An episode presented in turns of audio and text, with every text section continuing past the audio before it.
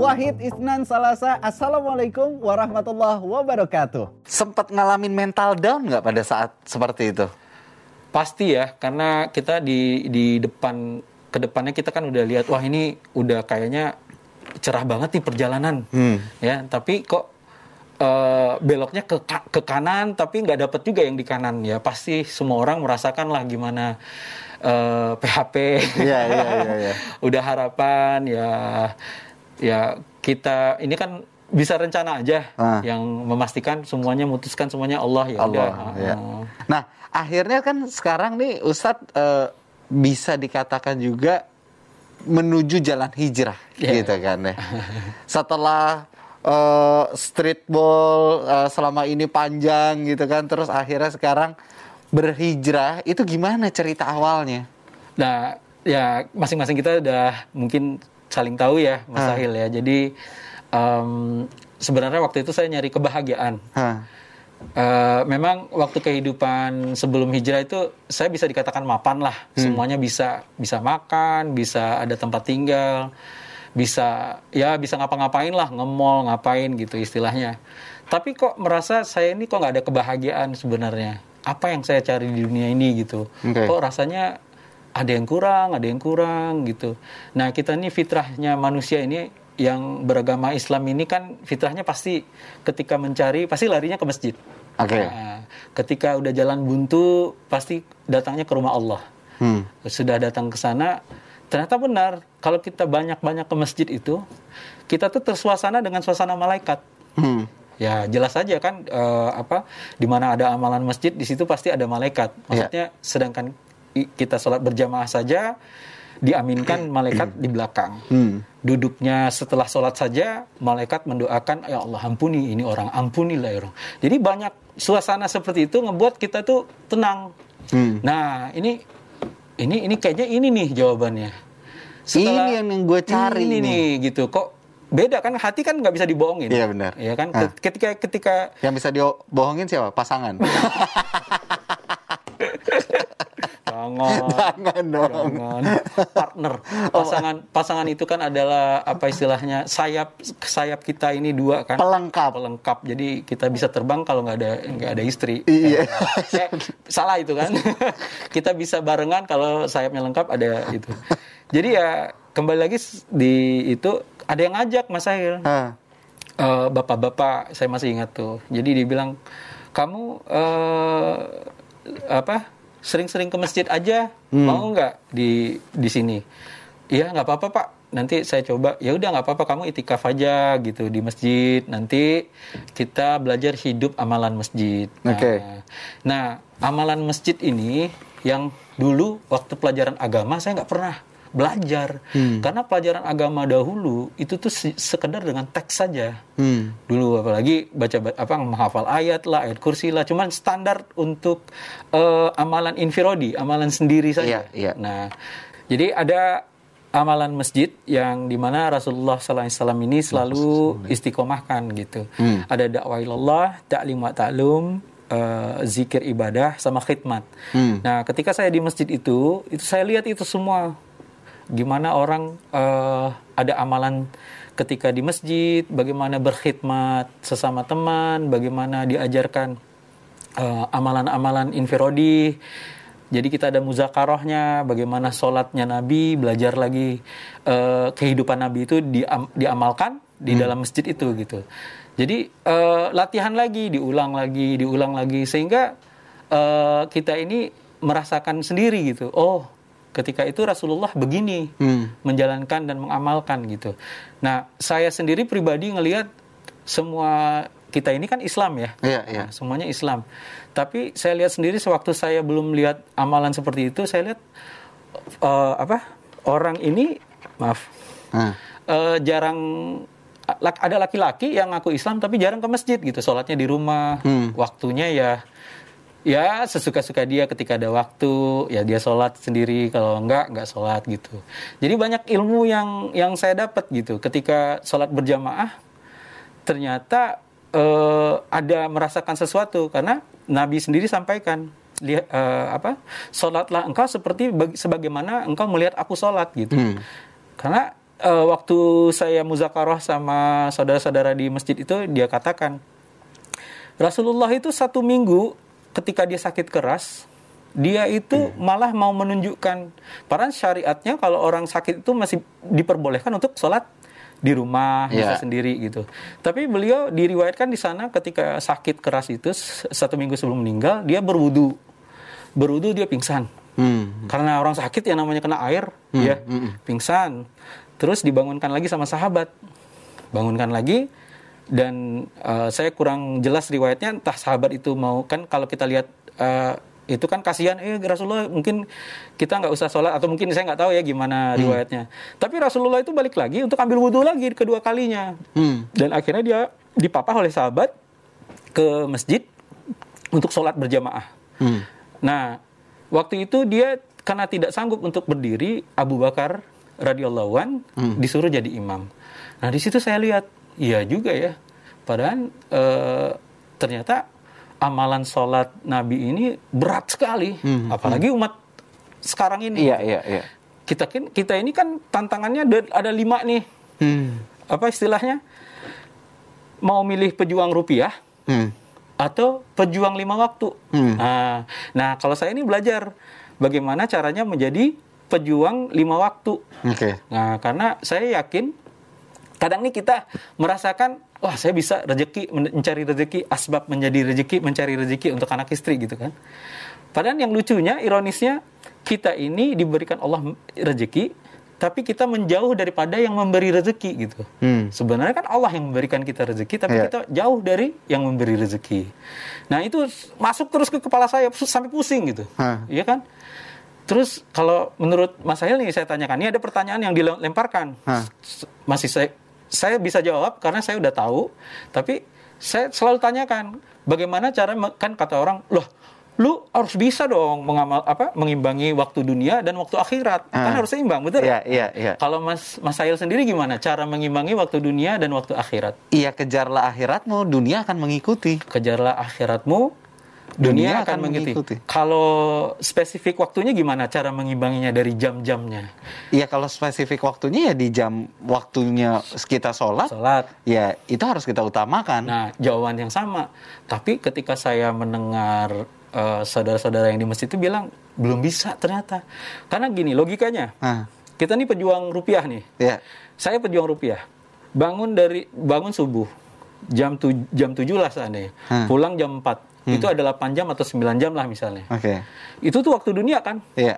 Kalau misalnya Mas Sail bilang waktu akhirat, oke lah. Sholat subuh 10 menit. Hmm. 10 menit gak? Iya. Nah, itu tambah zikir, tambah minta ampun ya Allah, dosaku banyak ya Allah, kayak Ah, gitu lah, ah, tambah-tambah ah, lah ya. Zuhur 10 menit juga. Hmm. Asar 10 menit, maghrib 10 menit. Isya, Isya. 10 menit. Nggak sampai sejam. 50 menit. Nggak sampai lima, ah, segitu. Sedangkan kita sanggup menjadi pejuang rupiah 8 jam. Oke. Lah kan gak imbang dong kalau ditanya. Iya, iya. Gimana jawabannya? Nah ternyata saya baru tahu. Memang kita harus jaga lima waktu ini jadi pejuang lima waktu. Tapi solusinya kita memang harus mengikuti cara Nabi, cara Rasulullah. Misalnya di agama kita ini paling top lah. Hmm. Nggak ada yang di agama lain, maaf ya, yang mengajarkan doa pasang sendal. Hmm. Nggak ada, cuma di Islam ada. Hmm. Masuk kamar mandi tempat yang kotor coba. Ya, Ada doanya. Hmm. Canggih agama Islam ini. Iya, iya. Nah, ada adab-adab yang harus ditunaikan. Kadang kita ini suka lupa. Masuk masjid kaki kiri, Oke. masuk kamar mandi kaki kanan. Hmm. Nah, jadi adab-adab itu kita hidupkan lagi. Nah, Rasulullah sampaikan, Oh. ah, jadi kita harus bisa niru dia supaya dapat kat- eh, konsep hitungan akhirat tadi Biar imbang. biar imbang. Oke. Mana ada yang masuk kamar mandi dapat pahala? Iya. Lagi maaf nih, lagi buang air kecil air besar, Hmm. dapat pahala. Nah, saat eh, tadi kan kayaknya kalau kita dengerin ceritanya yang sulit banget dijalanin pas pertama kali hijrah itu berarti adalah eh, merubah apanya sih? Kalau diri saya sendiri sih bukan perubahan lagi, maksudnya eh, transisinya itu udah ke istiqomahan lagi. Istiqomahnya. Istiqomahnya itu yang paling berat. Paling berat itu paling berat konsisten dalam amal sendiri, amal istim istimaiyat, amalan bersama itu itu misalnya kita ini sudah bisa jaga zikir pagi petang misalnya. Iya. Ya kan? Misalnya bisa udah badak subuh udah bisa duduk misalnya. Zikir pagi petang 100 kali. Hmm. Ya kan? Subhanallah 100 kali, alhamdulillah 100 kali, ya kan? Allahu akbar 100 kali, istighfar 100 kali, salawat 100 kali. Hmm. Itu udah bisa tuh satu minggu misalnya. Tapi tuh kekuatan untuk zikir itu kadang-kadang eh, ya antara situasi hati kan. Kadang setelah sholat subuh kabur. Iya. Ya doa bentar kabur. Nah itu keistiqomahan satu amalan itu yang susah. Dan sebenarnya itu harganya luar biasa kalau dia Oke. istiqomah.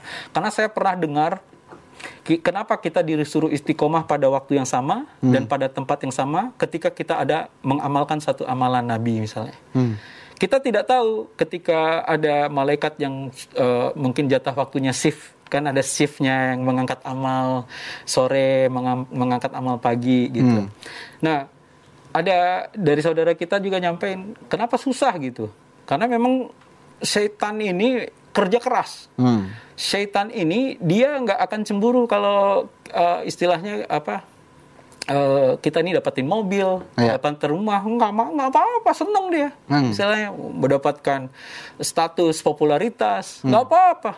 Tapi setan ini marah, cemburu kalau kita ini sudah di sana gitu, di posisi keistiqomahan yang itu. Itu Oke. ah, ah. Ah.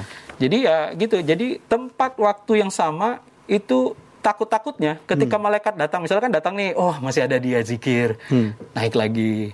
Oh masih ada dia zikir datang lagi.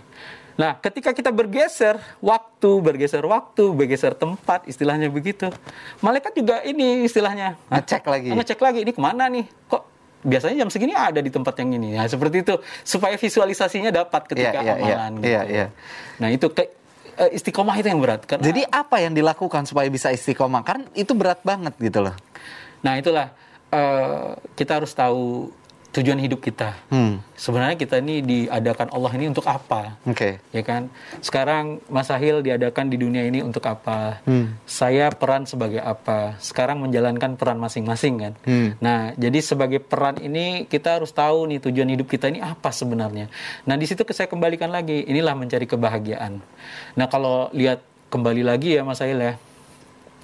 Siapa sih yang nggak tahu Michael Jackson? Hmm. Aduh, popularitas sudah terkenal. Iya. Bahkan taman mini sendiri udah ada di rumah belakang rumah. Ah. Tapi nggak bahagia ternyata. Punya uang segitu, punya popularitas segitu. Mencari kebahagiaan, mendapatkan seperti itu nggak bahagia gitu. Hmm. Akhirnya kenapa? Bunuh diri. Hmm. Nah ternyata eh, kembali lagi fitrah kita ini apa gitu. Nah kalau saya pernah dengarkan itu, pernah dengar salah satu tausiah, ini bagus sekali. Ikan itu fitrahnya di mana? Di air Hmm. ya kan? Kalau cacing itu senangnya di dalam lumpur tanah. Nah, ketika fitrahnya air, ikan ini, ikan ini dia udah senang di air. Tapi dia bilang, "Ah, bosan di air. Ngapain di air?" Dia terus keluar dari air. Hmm. Pasti mati. Iya. Matinya bukan udara aja, digigit makan kucing, macam-macam. Iya. Banyak yang akan mudorot yang akan datang. Begitu gue cacing, cacing ini udah enak-enak di lumpur gitu kan. Kira ah ngapain sih gue di lumpur-lumpur nih? Keluar dia dari situ. Hmm. Ya, nggak dipa jangankan dipatok ayam. Pemancing-pemancing pun nyari. Ngambilin. Ambilin. Nah, begitu juga kita di agama ini. Jadi kita ini, fitrah kita ini hanya dalam amalan agama sempurna. Oke. Jadi ketika kita amal agama sempurna, belajar cara hidup Nabi, ibadah Nabi, semua ikut cara Nabi, Hmm. pasti akan bahagia. Kalau kita keluar dari agama, lah, Ya, itu yang na'udzubillah bah zalik. yang bahayanya Nah, ya. berita kubur apa yang kita dapatkan nanti? Iya, Nah, benar, itu. benar, Kan benar. kalau Islam ini memang harus mempercayai itu. Jadi untuk untuk mempertahankan istiqomahnya adalah mengembalikan itu kepada fitrahnya dan melihat itu kepada tujuan hidup gitu. Betul. Tujuan hidup kita apa gitu? Oke. Kita ini mah, apalagi maaf ya, Hmm. eh, milenial ini lifespan-nya aja Nah, itu bisa hidup itu 42 tahun tuh udah hebat loh Oke. untuk mereka ke depan. Saya lihat teman-teman saya sudah berangkat semua. Hmm. Itu zamannya saya. Kita lihat sekarang kan banyak penyakit aneh-aneh. Iya. Apalagi zaman sekarang sudah Allah kasih wabah seperti ini. Hmm, hmm, hmm. Nah, nah ini yang kita harus waspadai. Oke. Dan ternyata solusinya di situ di lima waktu itu. Di antara waktu ke waktu itu ada jaminan Allah.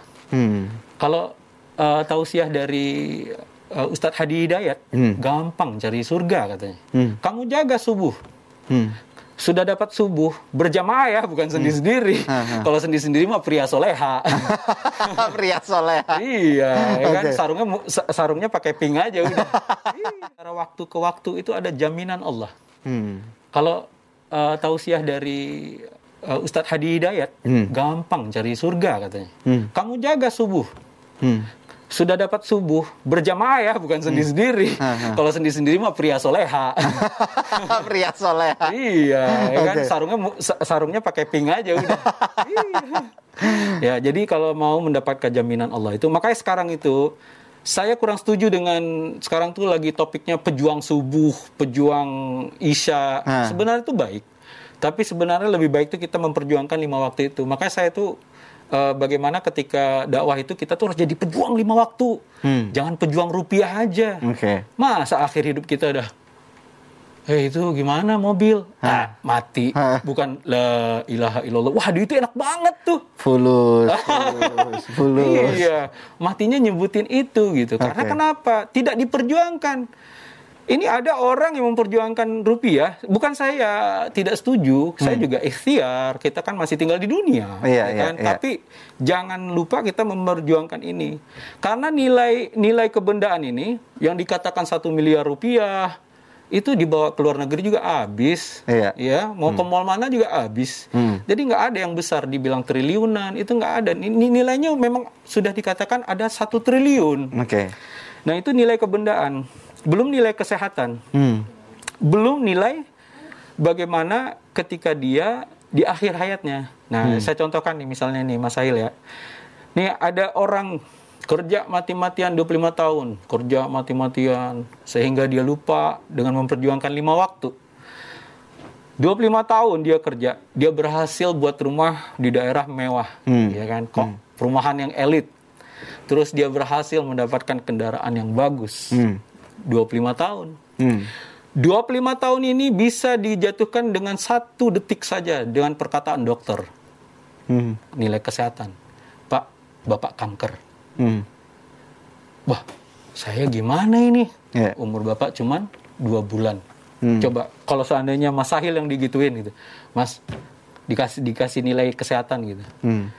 Wah, Bapak kalau mau hidup, Bapak harus ngabisin du obat ini. Ini harganya lumayan, Pak. 2 juta satu pil. Hmm. Nah, 25 tahun kerja itu rumah itu gampang, Pak.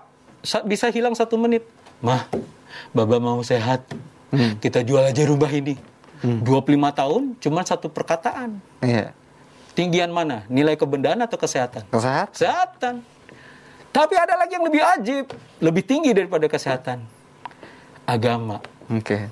Nah, sampai akhirnya Ustadz memutuskan untuk dakwah tuh mulai kapan? Nah, alhamdulillah tuh di daerah saya itu sebelum Covid ya. Hah. Sebelum Covid itu amalan memakmurkan masjid kita tuh jalan tiap bulan. Hmm. Satu bulan tuh ada tiga hari kita itikaf. Jadi ya sekarang tertantangnya itu ya memang susah untuk mencari masjid. Iya. Ya, dan dan masjid untuk menghidupkan yang seperti saya bilang tadi amalan masjid yang empat mes, empat amalan di Masjid Nabawi itu sekarang ya sekedar dengan apa zikir dan ibadah saja. Oke. Nah, karena memang situasi ya Iya, iya, ada iya. SOP. Tapi alhamdulillah di masjid-masjid kita eh, protokolnya ketat sekali. Eh, temperatur cek, masih dalam keadaan tangan bersih dan bawa sajadah sendiri, Hmm. Oke. masih pakai masker. Oke. Nah, jadi ya agak mungkin untuk masa COVID ini ya paling silaturahmi yang diperbanyak di luar Hmm, masjid iya, untuk iya. bagaimana semangat lagi untuk datang ke masjid gitu. Karena kita tetap SOP. Jadi awalnya ngedakwah itu ya Kak dari sebelum Covid itu. Iya, jadi maksudnya tetap 2013 saya saya 2013. uh, baru mengenal Islam yang sebenarnya. gitu. Oke, oke. Uh, kalau kemarin-kemarin bisa bilang Islam KTP lah, Iya, iya. kan. Jadi alhamdulillah udah Islam uh, belajar agama lagi, belajar amalan yang bagaimana dicontohkan Nabi menurut dalil-dalil hadis-hadis semuanya udah dijalankan saja gitu. Oke, Hmm. oke, oke. Nggak macam-macam dah contohnya ikut Nabi aja, Hmm, hmm. sahabat dan Nabi. Nah, Ustadz ah, pernah nggak pada saat ngedakwah itu kan sebagai orang yang suka basket Iya. itu dikombin cara ngedakwanya sambil basket gitu atau atau gimana? Nah, eh, saya alhamdulillah dengan Allah berikan skill basket ini, saya senangnya target dakwah saya kepada anak-anak muda itu lebih cepat, Oke. ya. Jadi ada media jadinya. Hmm. Ah, jadi memang challenge-nya sih kadang eh, penyampaian. Hmm. Nah, tapi kalau cuman bilang disampaikan saja nggak nggak nggak nggak enak gitu. Hmm. Setidaknya ada konsep permainan dulu lah ya, main dulu yuk. Ayo, Gitu. oke. Jadi ada eh, pendekatannya yang lebih bagus lah. Iya iya iya. Pendekatan lebih bagus. Nah, di situ tuh baru kita mulai dakwah. Sebenarnya kebalik. Kita tuh harus membalikkan lagi. Allah nomor satu dulu. Allah dulu, baru ikhtiar. Doa diiringi dengan ikhtiar. Ah, Talata Ithnan Wahid. Wassalamualaikum warahmatullahi wabarakatuh.